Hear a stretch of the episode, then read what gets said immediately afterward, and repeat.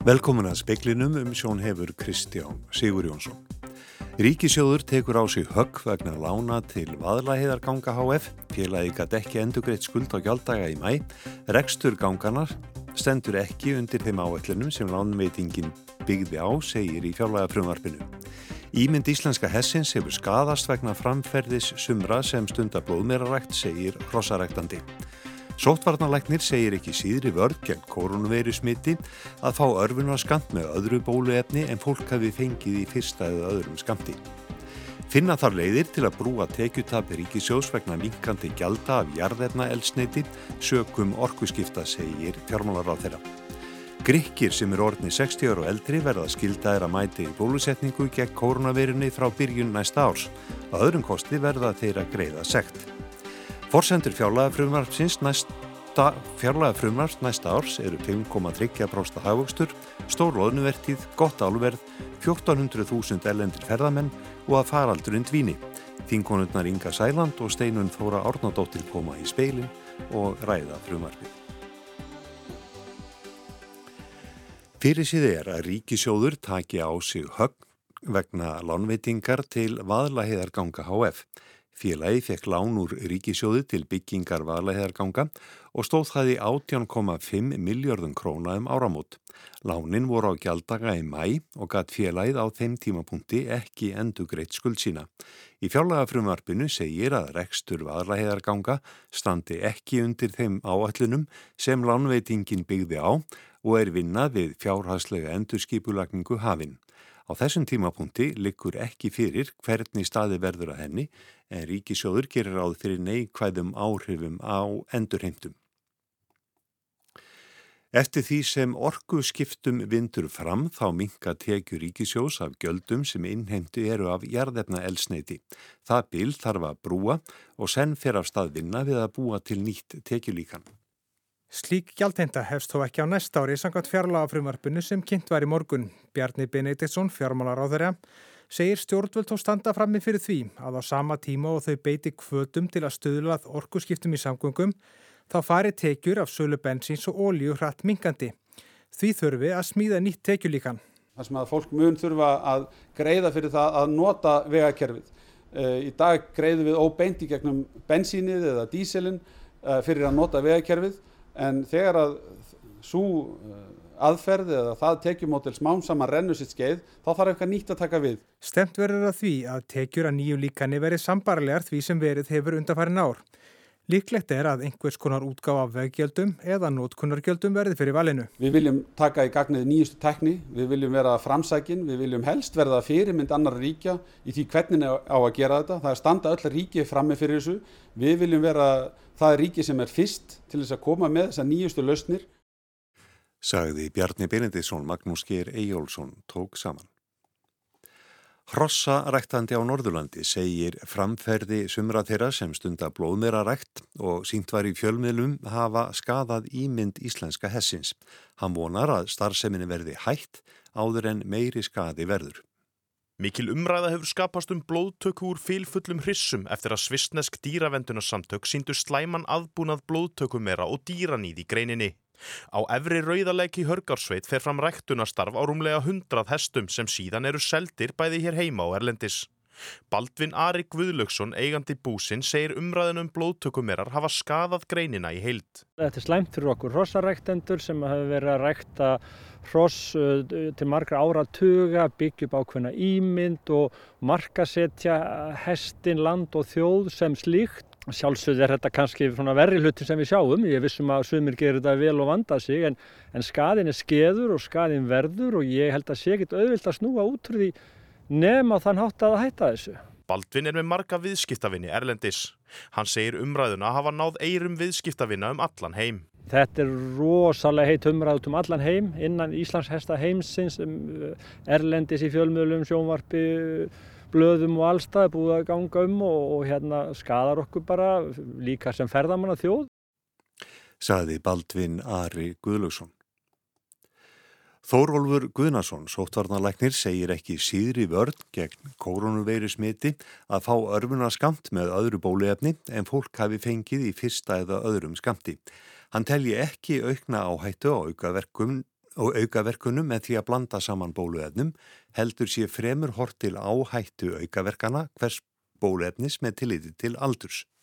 Já, það er eiginlega búin að sína sig að það að, það að blanda saman bólefni bara virkar ágætlega í að örfa gott ónæmisvar og, og það er ekkert hættulegra hendur en að halda sér við sama bólefni þannig að fólk á að vera bara mjög rólegt með það þó að það fengið önnur bólefni fyrst Astra eða Pfizer og þessu kallaðinni Moderna það, það á ekki að skipta megin móli. Þórólfur segir vel fylst með því hversu góð vörn fáist gegn smiti eftir örfunarskamt og það munir skýrast þegar fleiri hafa fengið örfunaskamtin. Ef í ljós kemur að örfunaskamtur veiti mjög góða vörn gegn smiti, þá gefir það möguleika á afléttingum sóttvarnaraðgerða og þá jafnvel stittum tíma í sóttkví. Þannig við erum bara að skoða það og hvernig við getum þá nýtt okkur það ef að friðiskamturinn er virkilega að, að, að, að virka vel þá, þá þurfum við bara að skoða það hvernig þetta nýta sér það í, svona, í tilmælum og ráðleggingum uh, og aðgerðum hér innanlands sagði Þórólfur Guðnason og Ólöf Rún Erlendstóttir tók saman. Frá miðjum mánuði verða allir gríkir sem eru orðnir 60 ára og eldri að láta bólusitja sig gegn kórnuverinni. Ella verða þeir að greiða 100 efurur í sekt hver, í hverju mánuði sem þeir láta hjá líða að mæta. Kyriakos Mitsotakis fórsættir sér á þeirra tilkynnti þetta í dag. Hann sagði að hópurinn fengi frest til 16. janúar til að panta tíma í bólusetningu. Ákvörðunin sagðan að hefði verið tekinn af yllir í nöðsinn.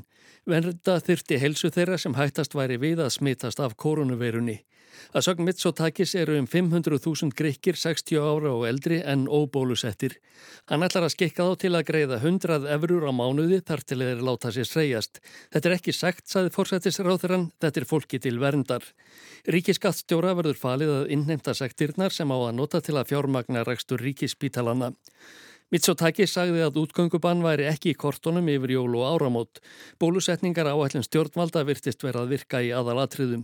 Trýr af hverjum fjórum grekkjum, tólvar og eldri hefðu látið bólusetja sig en því miður væri á alltaf einhverjar eftirlegu kindur. Hann sagði að Omikron afbreyðis koronaveirunar hefði enn ekki orðið vart í Greiklandi en það kæmi fyrir eða síðar. Ásgeir Tómasson sagði frá. Hafin er smíði á fyrsta björgunarskipi Slísavarnafélagsins landsbjörgar í Finnlandi og gertir áð fyrir að það verði afhendi vesmaneyingum á gósloka háttíð á næsta ári. Skipið kostar 285 miljónir króna. Ríkið greiðir helmingin á móti Slísavarnafélaginu. Meðalaldur björgunarflótans er um 35 ára en gert er ráð fyrir að endur nýja öll 13 skip landsbjörgar. Nýju skipin stýtta við brakstíman og geta tekist á við fjölbreyttari verkefni auk þessi viðhaldskostnaður mingar. Þetta er náttúrulega eitt stærsta einstaka verkefni sem við höfum ráðast í og, og gríðarlega umfásmikið. Núna eru hafinn smíði á fyrstu þrejum bátunum, þar fengum við ríflega ríki styrk og höfum líka núna fengið gríðarlega gott input frá sjóá. Þannig að fyrstu þrjú skipin, það gengur vel að fjármagna þau en það eru tíu skip eftir og við þurfum svo sannarlega á öflugum aðilum til þess að koma með okkur í þá vegferð. Segir Borghildur Fjóla Kristjánsdóttir varaformaður landsbjörgar. Tryggingafélagi sjófa og greiðir hlut landsbjörgar í fyrsta skipinu, 145,5 miljón króna. Herman Björnsson er fórstjóri. Þetta er langstæsti einstaki styrksamningunum sem við höfum eitt að hendi í svo í munni og ég held að alveg auðvitað að það svo sé og okkur er þetta mjög kærkomið að geta gert þetta vegna þess að við höfum verið í, í lungu og góðu samstarfi við landsbyrgu þarna fara saman hagsmunum okkar sem tryggingafélags og þeirra að, að, að vinnaða forvarnamálum, öryggismálum og lámarka tjón eins og kostur er og þarna erum við að, að styrkja gríðarlega göfugt samfélagslegt málefni sem við erum stolt að taka þátt í. Þetta var Herman Björnsson, forstjóri sjóár, Arnar Björnsson talaði við hann.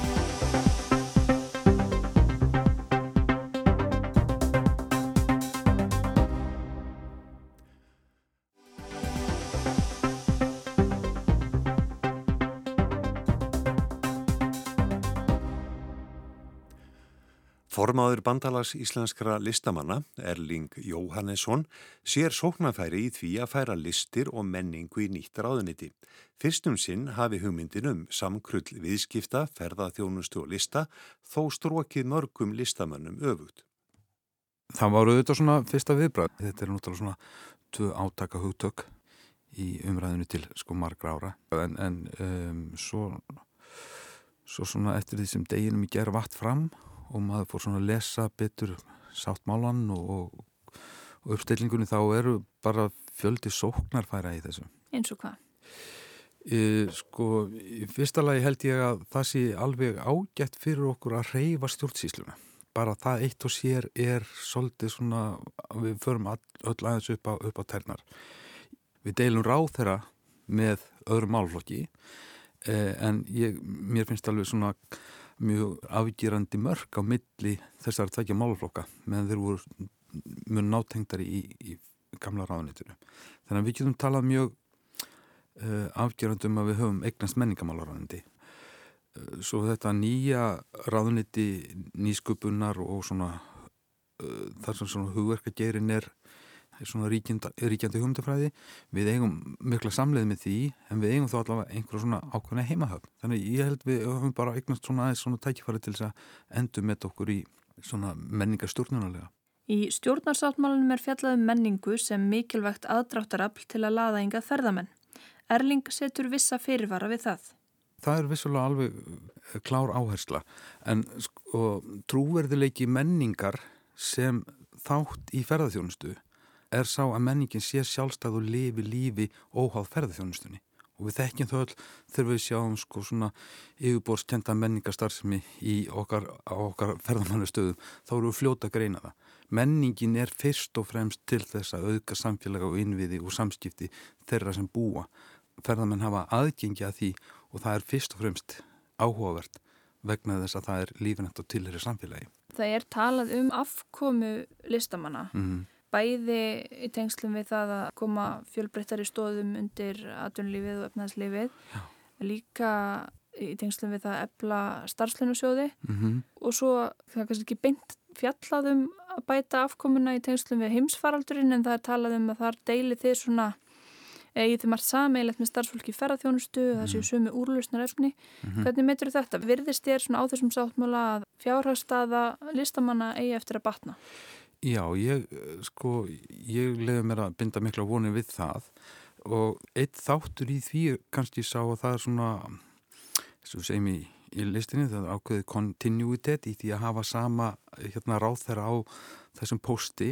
Lilja var í þessum aðgjörðum og, og var í þessu öldróti með okkur und, undanfarið sko tvö ár og fjöldi verkefna sem við vorum í í samstarfi við e, menta og menningamálaráðuniti e, lendurinni í byðstöðu þannig að við líka búum að þeirri vinnu og þeim drúnaði sem var komin upp við að klára nákvæmlega þessa þætti með hérna, eblingu starfslöuna sjóðsins og eblingu innviða listgreinana. Það sparar okkur nokkra mánuðir líklega. Áformum stefnumótun eru nokkuð ábyrjandi í sáttmálunum.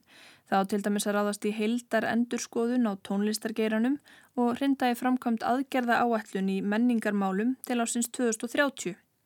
Það lítið um stór loford en þó lofa stjórnvöld auknum stuðningi við kvikmyndagerð með hærri endurgreðslum á skýrt afmörkuðum þáttum. Þetta á að vera til þess að fleiri stór verkefni verði unnin alfarði hér.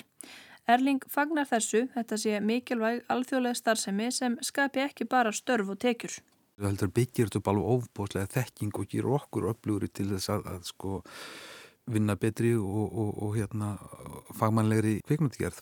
Anna loford er að finna listaháskóla Íslands framtíðar húsnæði en fyrir kostningar var kynnt að hann fengi atkvarfi í tollhúsinu við Tryggaugutur Reykjavík.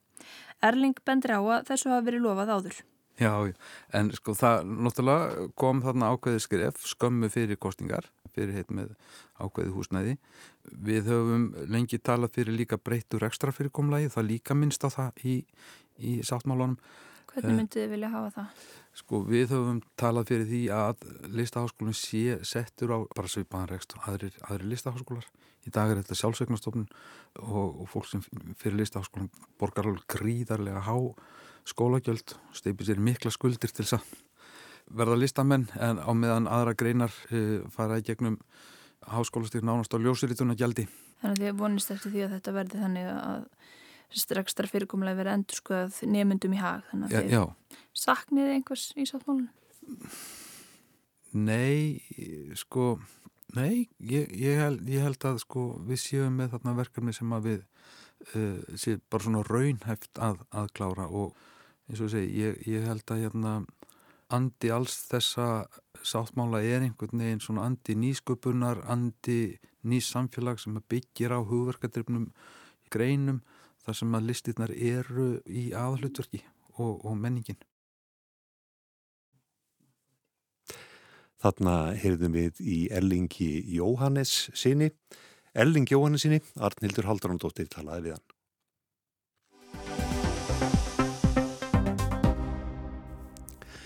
Bjarni Byrjandísson, fjármálaráðra, kynnti fjárlega frumvarp ríkistjórnarinnar fyrir 2022 í morgun.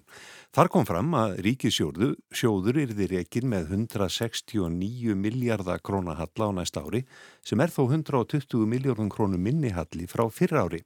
Hallinni tilkomi vegna áhrifa heimsfaraldursins og aðgerða stjórnvalda gegn honum.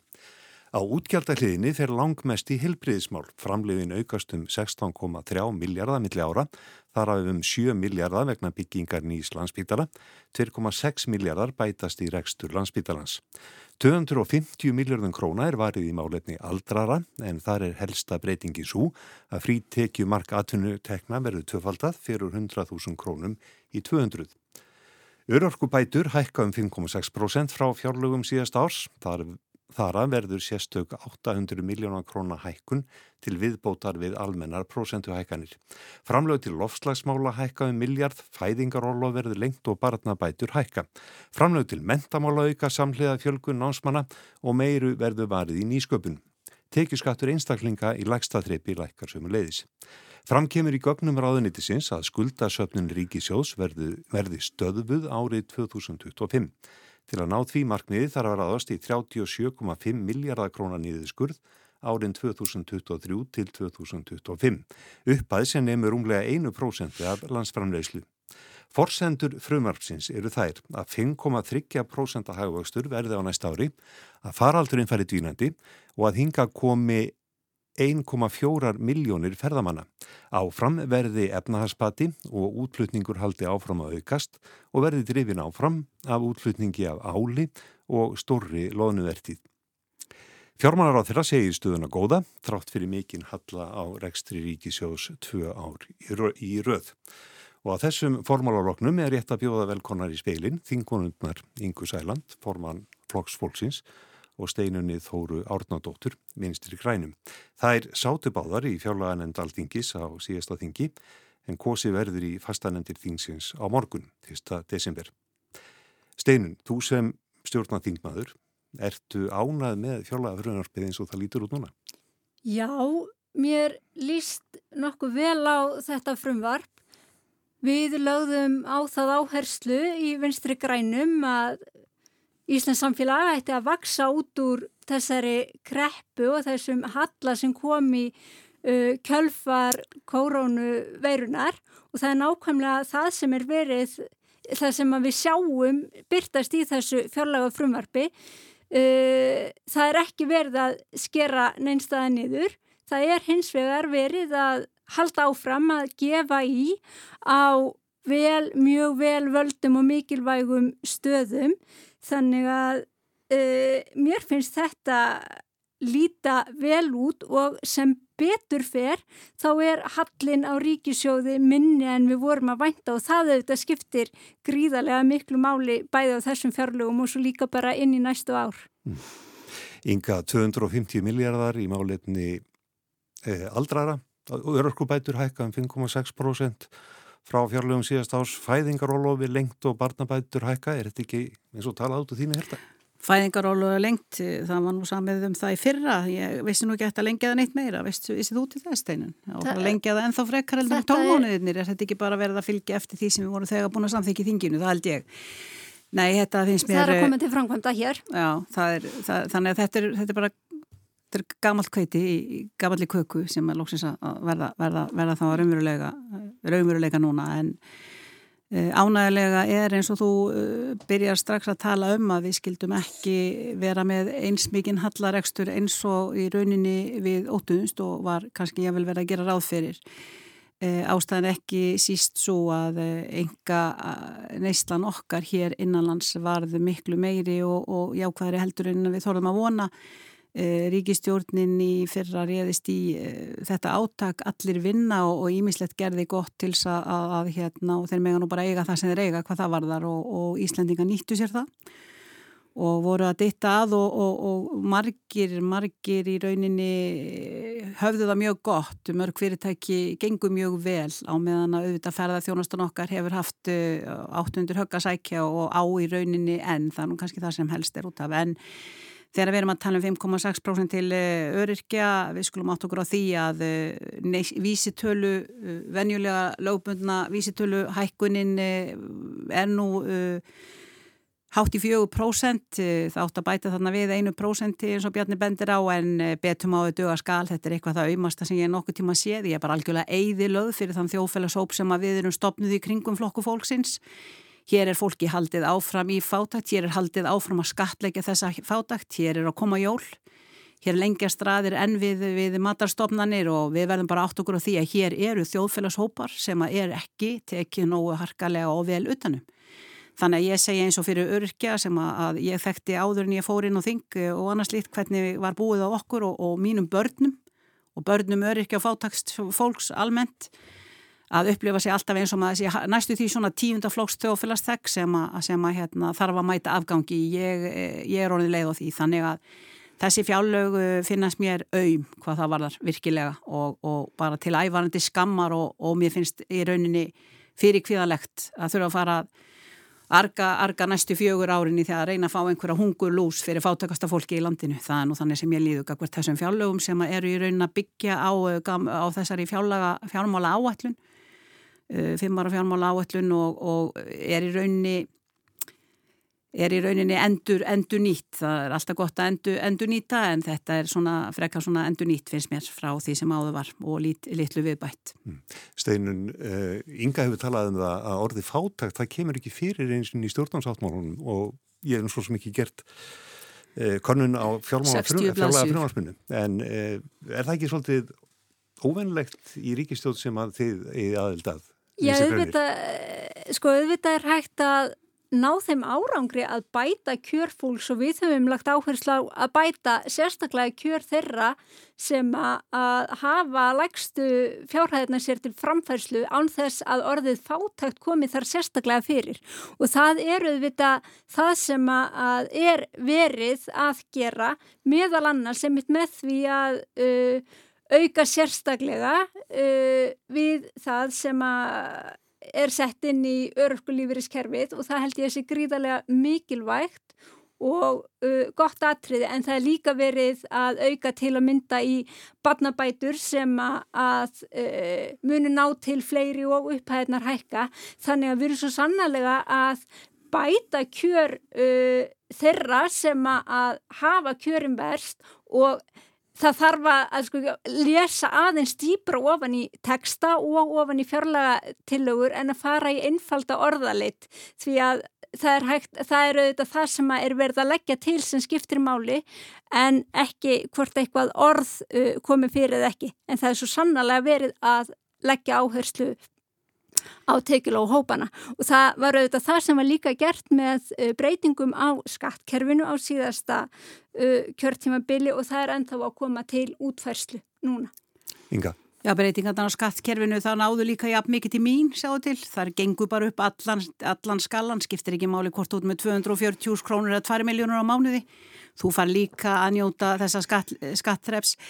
Það var líka gaman að vita hvort Steinun Þóra geti komið hérna með þær eh, tölur á bladi hvað í rauninni teikjulagsti hópurinn fekk eh, mikla margar krónur í vassan e, við þessar breytingar á, á skattkerfinu, e, svo líka annað hitt, e, það það líka taka með í reikningina. Hér erum við að fara að glíma við verbolgu, við erum búin að vera að horfa hér upp á 4,6 og nú er spáðum 5,3% af verbolgu í desember. Þannig að ég segi það að sá kaupmáttur sem að sem að e, fátakasta fólkið og, og, og til dæmis almannatrygginga þegar hefði þurft að fá, hún er bara null, það er bara ekki neitt, þannig að það er náttúrulega algjörlega liggur í hlutarins eðli að hér hefur verið kjara gliðnun hvað varðar þessa hópa, núna síðustu 12-15 árin sem sem að fara að verða svona uppmyndi 50% þannig að e, það er, það er umt, mér finnst umt að tala um einhverja kjara bót fyrir þessa hópa þegar verðbólgan og annars líkt og, og, og samfélags ástandi verður þess valdandi að þau ekki eina einustu, einustu krónu. En hins vegar umfram það sem þau eru búin að vera með núna í öllu sínu hókri en hins vegar eh, vita allir að fastegna markaðurinn, leiguverð og annars líkt þetta er gjössalega búið að vaksa þessu fólki sem á ekki verið salt í gröðin gjössalega yfir höfuð. Þannig að það er bara akkurat verð að setja þessa hópa hjá gardi eins og venjulega. Það er ekkit flóknar en það. Steinun, uh, það eru kjara samlingar á næsta ári og í kynningu með fjólaða frunarfinu þar stendur að að kjara samlingar á næsta ári að þeir eiga endur spekla efnahagsli skilirði og, skil, og skili farsæli nýðustöðu. Hvað þýðir þetta eiginlega? Hvað, hvert eru það að fara með þessu? Já, þetta hlýtur að, að þýða það að það er verðbólk og það eru ímis eh, atrið sem að þarf að horfa til en, en ég held hins vegar að, að þeir aðilar sem að eru að semja um uh, kjör og uh, launahækkanir uh, það, það eru þau sem að sitja við það samningaborð og verða þar að, að tala sínu máli en, og semja um kaup og kjör En ég er þeirra skoðunar og, og, og við vinstri grænum eins og við höfum alltaf verið að kaupmáta aukning sérstaklega til þeirra sem að hafa uh, læri tekjur hún er mjög nöðsynleg og þar þarf að, að halda áfram að, að sækja á og jafna tækifæri og uh, jafna þannig kjörfólks í samfélaginu. Mm. Skilur þetta ekki þannig að launafólk eigi bara að halda sig á mótinni? Nei, mér finnst það, það eigi ekki að bara stjórnmjöld eiga ekki að tala þannig til launafólks og ég held að þau séu ekki að gera það. Uh, en auðvitað þurfum við að alltaf að skoða í hvaða samfélagslega veruleika við lifum í og hann er sá að uh, sérstaklega kjör þeirra sem eru á lægri skala teknana að til þeirra uh, þarf að horfa sérstaklega og þar þarf að bæta kjör. Og svo verði bara að vera ósamalan í yngu með það að það sé ekkert verið að gera fyrir örskulífyrirstegana því það er einmitt sérstaklega verið að bæta í þar.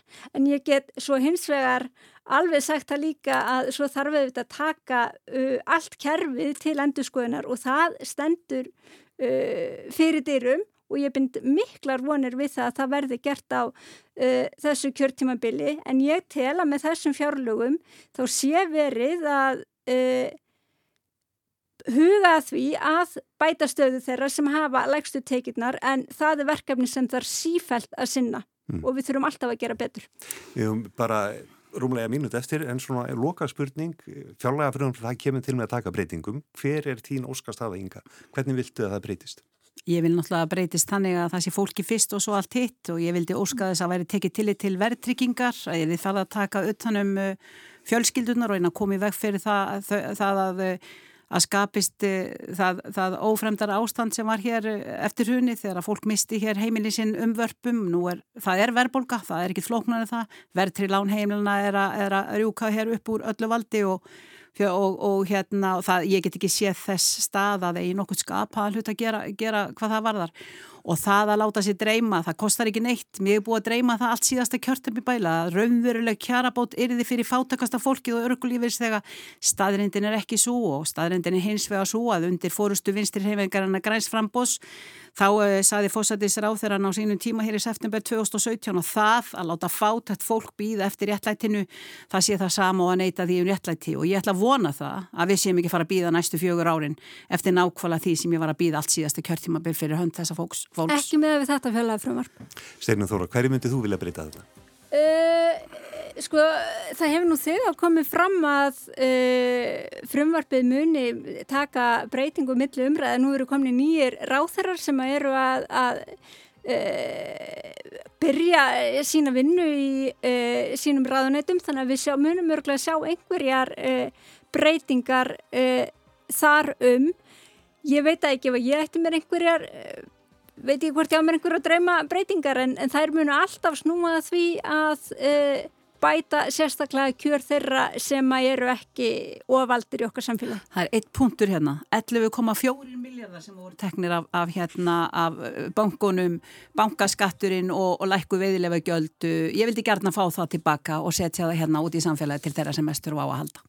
Loka orðin, Inga Sæland, takk fyrir komuna og Steinun Þóra Árðandóttir.